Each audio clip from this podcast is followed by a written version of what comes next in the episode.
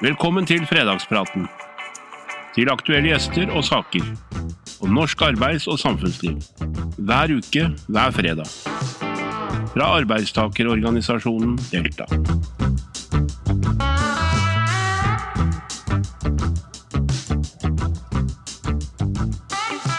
Hei og velkommen til en eh, ny prat, en ny fredag. Våren er her, sola skinner. Denne uka her har vi markert at det er 50 år siden vi avkriminaliserte homofili i Norge. Men er vi kommet fortsatt langt nok, eller står vi fortsatt der hvor stigmatisering, ekskludering og forfølgelse også gjelder i vårt land i forhold til mennesker som enten er homofile, lesbiske, bifile eller transseksuelle? Det er et tema vi skal snakke om i dag. Og det er en stor glede å ha Jon Reidar Øyan, som er mangeårig leder fra Landsforeningen for lesbisk, homofile, bifile og transpersoner, som nå har bytta navn, men også en meget sentral politiker i kampen for et samfunn for alle.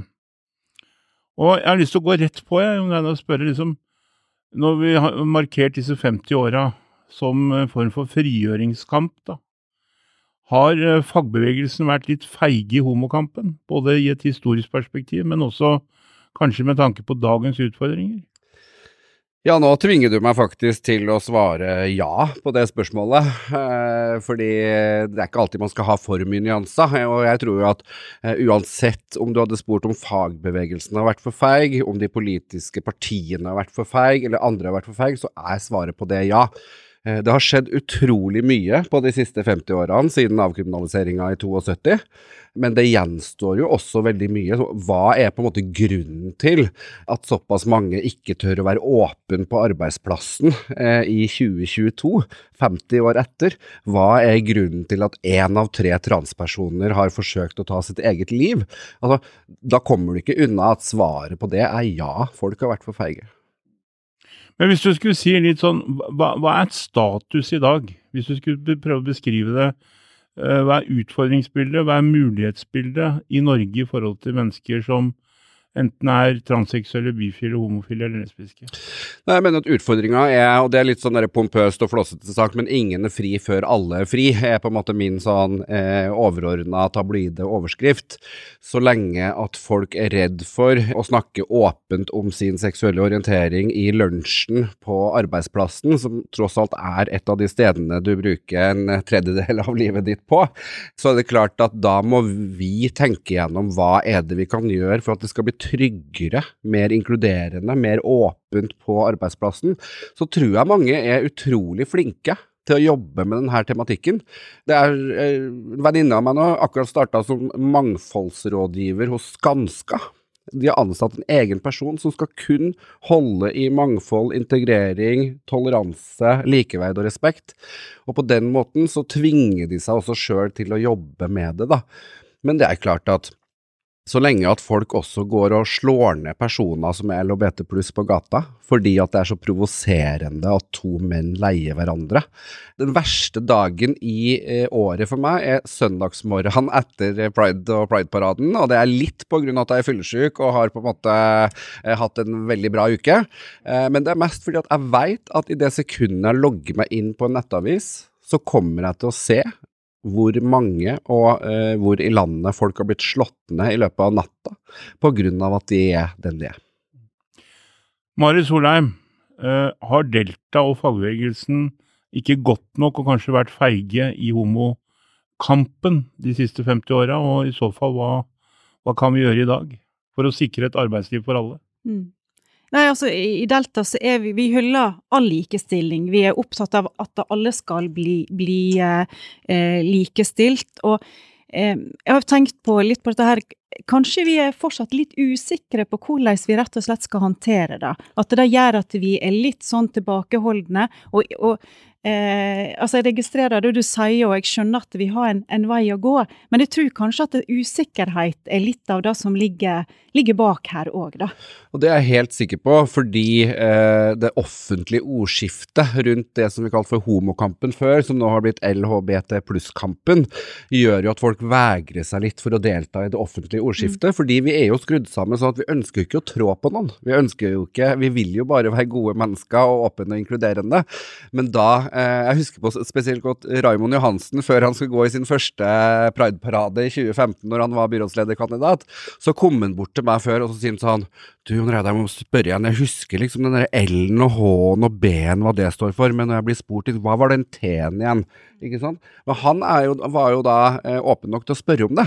Eh, og så sa jeg til Raymond at ikke vær så opptatt av de bokstavene eller alt det der. Bare si at Oslo skal være en by for alle. Den skal mm. være mangfoldig og fin for alle. Og så kan du sette deg inn i bokstavrekka seinere og lese litt, men så, men så lenge du liksom ha, respekterer andre mennesker, så tror jeg at det er på en måte nøkkelen, da. I hvordan vi kan få et arbeidsliv som faktisk er åpent for alle. fordi det er jo ikke sånn at det er dumt hvis man blir diskriminert på arbeidsplassen. Det er faktisk ulovlig. Mm. Men, men det, det, det, er et godt spor vi kan følge i den samtalen her. Altså, vi, vi snakker om et arbeidsliv for alle, uten å ekskludere noen. Statistisk sentralbyrå opererer med at de sier det er ca. 7% av befolkningen som ikke har en heteroseksuell orientering, men andre typer, altså enten lesbiske, homofile, bifile eller transseksuelle. De er også i vår organisasjon Delta, Marit. Hva kan Delta konkret gjøre for å sikre et arbeidsliv for de medlemmene som i dag ikke opplever at de er inkludert på arbeidsplassen? Nei, jeg tenker at, um, at, vi har jo et lovverk som ligger, altså likestillings- og diskrimineringslova, som, som, uh, som, tillitsvalgte rundt om i hele Norge bør vite om, og på en måte å, bruke som et verktøy. Da. Og hvis det er noen av medlemmene som opplever at de blir diskriminert, så er det jo et lovverk som ligger der, som, uh, som en uh, skal ta i bruk og, og skal være til, til hjelp. da eh, først og fremst. Og så, så eh, jeg tenker at vi må, må ned på, på lokalplanet og jobbe, eh, jobbe der, eh, der medlemmene er. da. Mm. Og selvsagt sentralt så kan vi være med og, og bidra og lage være tydelige på politikken vår, eh, at vi, vi, mener det vi mener. da. Mm så tror jeg at man må være såpass konkret at altså, Jeg har jo spilt fotball i mange år, og i, på fotballbanen og i garderoben der, så har du alltid noen markante personer som på en måte bestemmer litt hva er det greit å tulle med, hva er det greit å på en måte snakke stygt om, altså om det er kaptein eller hvem det er. Eh, og samme har du litt på arbeidsplassen. Du har noen sånne personer som på en måte eh, er litt sånn stakeholders for hva som er greit å, å tulle med. Så jeg vil jo på en måte anbefale også eh, for, Foreningen FRI da har et kursopplegg som heter for rosa kompetanse i arbeidslivet. For det handler nettopp om f.eks. språk. Hvordan snakke snakker du om det? Hvordan er du inkluderende? Eh, hvis, noen, hvis, jeg hadde sagt at jeg hadde fått meg en ny kjæreste, og så spør du hva heter hun? Da, da, må jeg på en måte komme ut av skapet nok en gang, istedenfor å bare gjøre det enkelt og si 'hva heter kjæresten din'? Så Det er sånn, det trenger ikke å være så forbaska vanskelig. Det er bare sånne små knep som gjør at du liksom tenker deg litt om for å være inkluderende. Eh, og så tror jeg at sant, dansk forskning, svensk forskning, de har gjort en del på eh, arbeidsliv, som finner ut at fire av ti velger å være skjult på jobben, f.eks. Mm. Men problemet vårt i Norge er at vi har så lite forskning. Altså, Vi veit så lite om hvordan LHBT pluss-personer har det på arbeidsplassen, og det må vi finne ut av. Og der trenger vi hjelp av fagbevegelsen og organisasjonene til å eh, pushe på politikerne, så at vi kan få midler til den forskninga. Mm. Men kanskje vi kan uh, hjelpe hverandre litt, da, ved at det, det, gir oss noe mer informasjon og gir oss en trygghet i det arbeidet vi skal gjøre for, for, overfor våre medlemmer. Så kan det hende at det blir lettere for oss å, å, å, å på en måte hjelpe tilbake, det blir kanskje feil ord, da, men, men, at vi, vi, kan eh, spille på hverandre sin kunnskap, da, for å si det sånn. Mm. Ja. Jon Reidar, hvis du skulle Du har jo mange år vært en sentral politiker i Norge i forskjellige funksjoner, men du har alltid hatt fokus på et samfunn for alle som et overordna verdispørsmål. Hvis du i dag skulle hatt en helt rein tavle, og så skulle du tegne norsk arbeidsliv sånn som du vil ha det, med tanke på at alle skal med, eller alle skal være trygge på arbeidsplassen sin. Hvilke virkemidler ville du ha tegna inn i den tavla da, for å få et, realisert en sånn type visjon? Ja, det er jo énmillionkronersspørsmålet. Eh, Vi har ikke så mye penger i Delta, men vi har mange tanker i Delta. Så skal jeg svare på det, så nei da. nei, men jeg tror nok at eh, mangfoldsperspektiv, likestillingsperspektiv, eh, må på en måte gjennomsyre alt bedriften eller virksomheten bedriver med.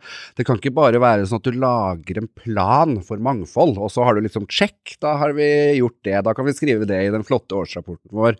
Det må på en måte gjennomsyre alle deler av organisasjonen. Og så er det nå engang sånn at eh, jeg mener at det er et lederansvar mm. i aller høyeste grad.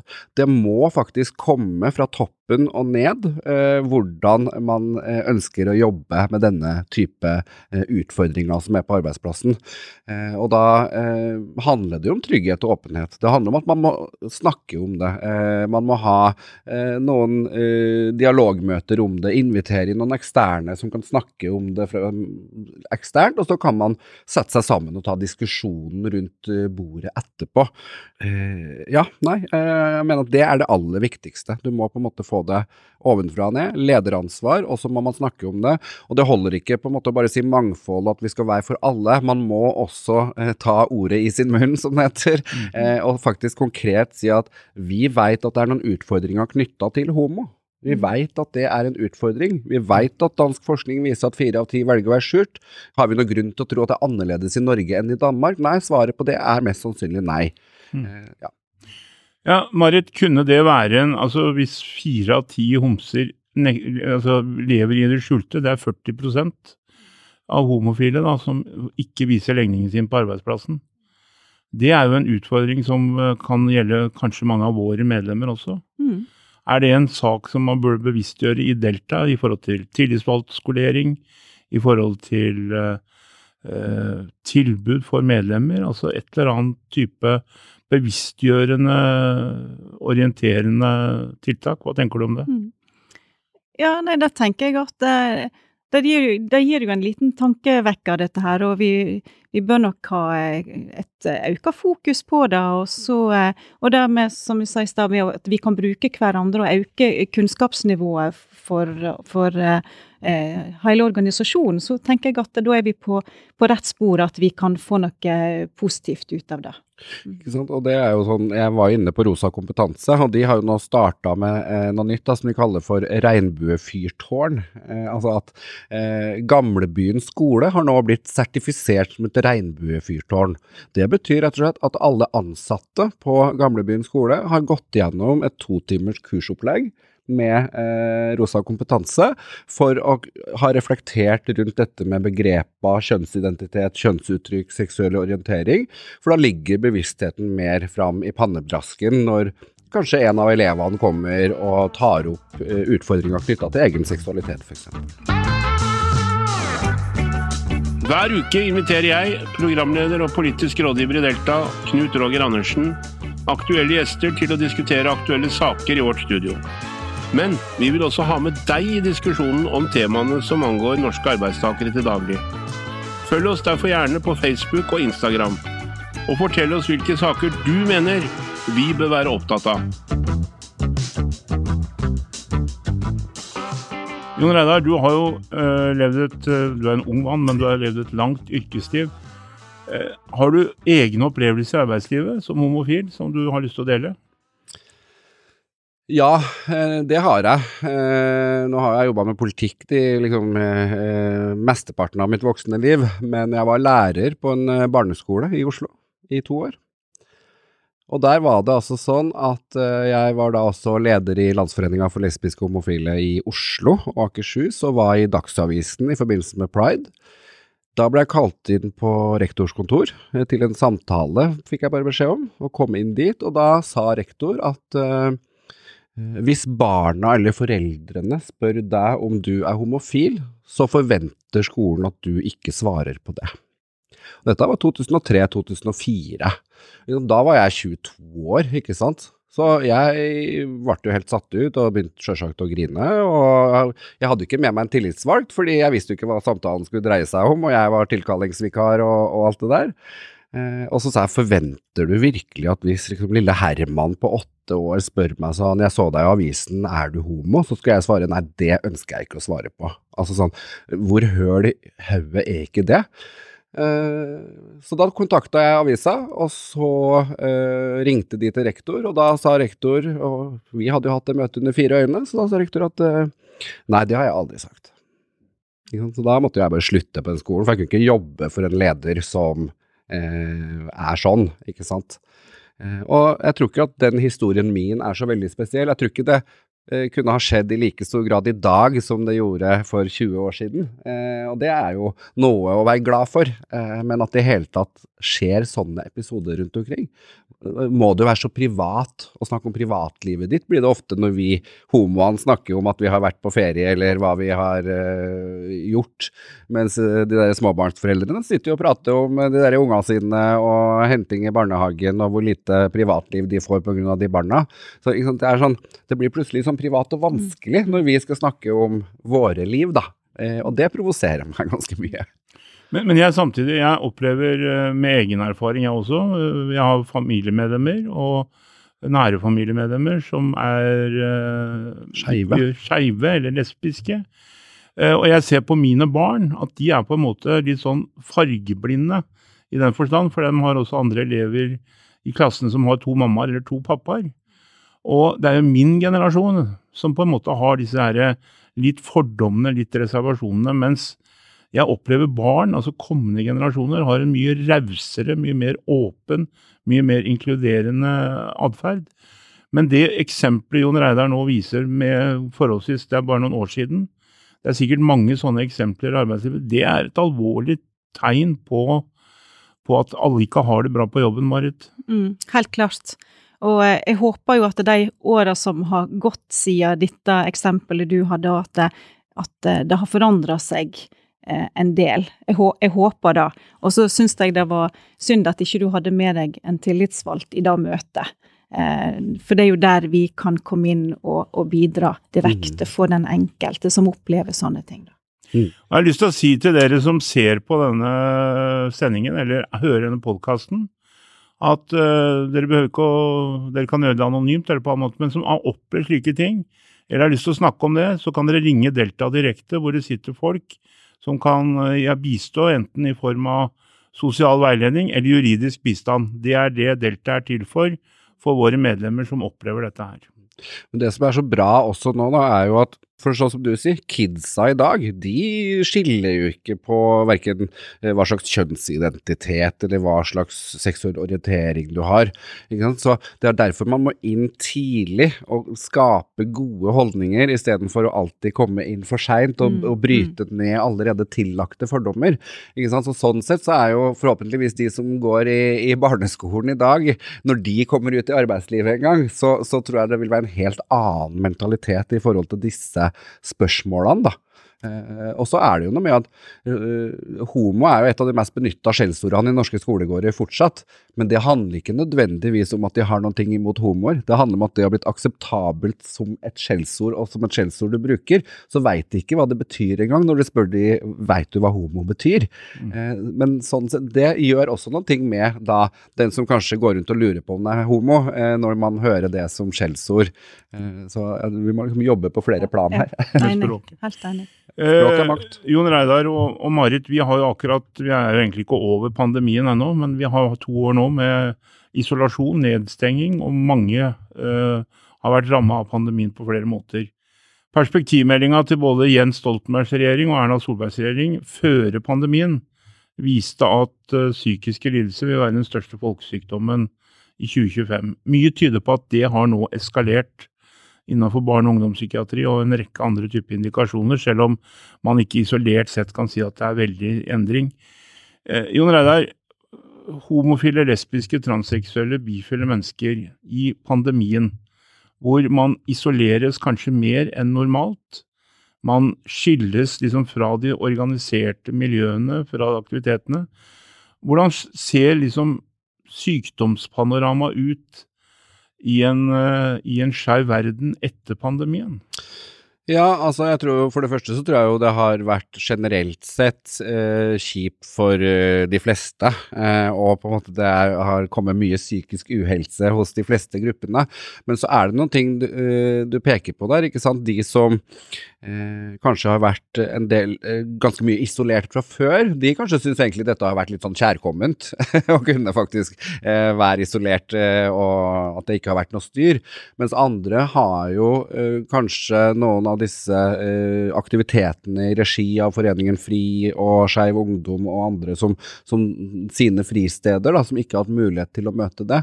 Og så ser vi på levekårsundersøkelsene som har vært, den siste som kom i juni i fjor, at psykisk uhelse altså Hvis du ser på at ja, eh, heteroene sliter, og det er voksne, men så har du liksom LHB, som er da liksom langt over der igjen. Og så har du trans, som bare sprenger hele skalaen, på en måte.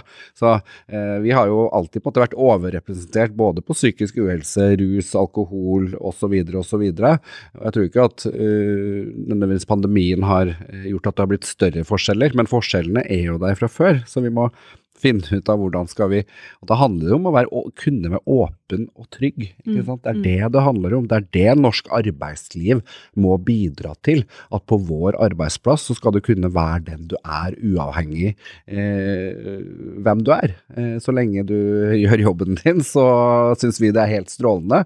Men så ønsker vi også å ha et mangfold eh, i tillegg, da. Men hvis vi ser 50 eh, år tilbake, og så ser vi 50 år fram. altså da kan jeg si at jeg for mitt vedkommende er ikke her om 50 år, men uh, ånden skal gå. Men hvis du ser, tenker 1972 for homofile, lesbiske, transseksuelle og bifile, så har det skjedd mye på de 50 åra. Vi er lever nå i en verden hvor vi har statsministre som er homofile, stortingsrepresentanter, ledere. Vi har åpna kirka. På mange områder så har du fått en sterkere likestilling mellom skeive og, og, hetero. Du har fått en mer bevisstgjøring. Hvor, hvor, hvor, tror du vi står i forhold til uh, homofile, lesbiske, transseksuelle og bifile om 50 år, Jon Reidar? Én ting er hva du ønsker, men hva tror du Hvordan vil verden se ut da? Det er kanskje vanskelig mm. å svare på for alle, men hvis og dersom at du skulle våge deg ut på et scenario? Mm. Nei, jeg håper jo dypt og intenst at vi skal komme dit at eh, homo, hetero, det er ikke noe å mase om, på en måte. At vi skal komme dit at hvis du kommer hjem til eh, mora og faren din, eller mora og mora di, eh, eh, og sier at jeg har fått meg en kjæreste, så er spørsmålet hva heter kjæresten din? Mm. Og så fint at du har fått deg kjæreste. Og at det ikke blir sånn som med min mor, når jeg fortalte at jeg var homo, som da eh, begynte å gråte. Ikke fordi at jeg var homo, men fordi hun visste at jeg kom til å få et mye vanskeligere og utfordrende liv med hvordan jeg blir møtt i storsamfunnet. Hun, hun tenkte helt reelt på 90-tallet at sånn Kommer han til å få seg jobb? Kommer han til Ikke sant? Fordi mm. det er så mange utfordringer. Og så øh, Ja, det er 50 år siden avkriminaliseringa, men, men altså, jeg var leder i LLH i 2008 når vi holdt på med ekteskapsloven og lobba med det og hadde trynet i media ganske ofte. Altså, jeg fikk så mange drapstrusler og til slutt levert hjemme i postkassa mi ufrankert at jeg måtte flytte hjemmefra og gå med voldsalarm. Det er liksom tolv år siden. Mm. Så det går fort, men det går jo ikke fort nok. Og så er det putter på meg en 50-åring, så prater jeg. Altså. Men, ja, men, det men, men, det er viktig at vi også tenker ja, hvordan skal vi ha det i Norge? Men vi må løfte nesetippen og se utafor våre egne landegrenser. Det er 69 land i verden hvor det fortsatt er kriminelt å være homofil. Det er syv land som har dødsstraff. Vi har et ansvar også for at uh, norsk arbeidsliv må, og fagbevegelse må samarbeide med internasjonalt med andre land sine fagbevegelser for å sette et press på for å hjelpe dem, for å si sånn kan dere jobbe, vi prøver å jobbe, sånn kan vi hjelpe med noen ting, for å få endra situasjonen også i verden, da. Mm. Det kan jeg fortelle deg mye om, for det jobber jeg med, men det, det gjør vi. Men Marit, hvor, hvor, tror du vi står om 50 år i fagbevegelsen knytta til holdninger, politikk, når det gjelder homofile, lesbiske, transseksuelle og bifile? Nei, jeg tror vi har endra oss mye. Nett nettopp eh, fordi det vi har snakket om nå, dette her med at det kommer nye generasjoner som, som, eh, er, er, som har et helt annet forhold til det, som har en annen opplevelse, en annen bakgrunn, rett og slett, og at de er at de håndterer det på en, på en enklere og på en måte en mer ja, på, en, på en god måte, eh, i mye større grad enn en, en vår generasjon gjør, da, tror jeg. Sånn at jeg, jeg håper og tror og, eh, at vi skal være kommet veldig mye lenger. Og målet må jo være det som du sier, at eh, alle, alle er alle. Ikke sant. Og eh, et annet uh, mål jeg ønsker meg, fordi hvis vi ser på liksom, hva henger etter i samfunnet i dag, så bruker jeg å si at det går kjappere kjappere i kjerka enn det går i fotballen. Altså sånn, og det er eh, en veldig dårlig attest for Norges Fotballforbund og for de som eh, jobber innenfor mm. idretten, og, og, spesielt fotballen, da, den garderobekulturen som fortsatt eksisterer der. Vi har ingen åpne homofile eh, toppspillere eh, på mannesida i Norge, eh, og har heller ikke hatt det. Ikke og hva er årsaken til det? Jo. Men der kan det vel komme noen endringer nå med Lise som ny fotballpresident, som vi håper kommer i fredagspraten om ikke lenge. Ja, jeg håper det. Mm. Det er fredag, vi skulle gjerne fortsatt denne samtalen. Det har vært kjempeinteressant og kjempenyttig, og det er utrolig vesentlig at vi alle tar dette temaet på alvor og snakker om det, og vier det oppmerksomhet både hjemme og ute. Men det er fredag, hva gjør uh, folket i helga? Hva skal du gjøre i helga, Jon Reidar? Ja, 1. mai på søndag, så da er jo helga lagt da. Da er det å komme seg ut og gå i tog. Eh, og i år så er det jo klart at det setter jo et stort, seriøst preg over 1. mai-feiringa eh, med tanken på situasjonen i Ukraina. Eh, så det er jo det som kommer til å være hovedfokuset i 1. mai-toget i år. Mm. Og Marit, hva gjør du i helga? Nei, det er lønnsoppgjør for tida. Vi er i innspurten. Eh, ja, vi får se hva den bringer. Mm. Uansett, Jon Reidar Øyan og Marit Solheim, tusen hjertelig takk for en veldig fin samtale. Til dere som har sett og hørt på, hjertelig takk for at du tok deg tid. Dette er et tema som gjelder oss alle. Og som sagt, ta kontakt med Delta hvis du har behov for det etter den samtalen. Fredagspraten ønsker deg hjertelig til lykke med dagen på søndag. 1. mai er arbeidernes internasjonale kampdag, og den dagen skal vi bruke til å markere de interesser og de målsetninger også vi har. Og jeg skal også markere 1. mai-dagen. Hjertelig velkommen til ny fredagsprat neste fredag. Da kommer Fremskrittspartiets leder Sylvi Listhaug hit som gjest. Og temaet blir ikke akkurat det samme, men eh, vi skal få en fin og hyggelig samtale også med henne. God helg. God helg. Takk for at du lyttet til Fredagspraten. Hvis du har lyst til å vite mer om Delta, så kan du besøke vår hjemmeside www.delta.no, eller også finne oss på sosiale medier. Du finner lenken i episodebeskrivelsen. God fredag og god helg!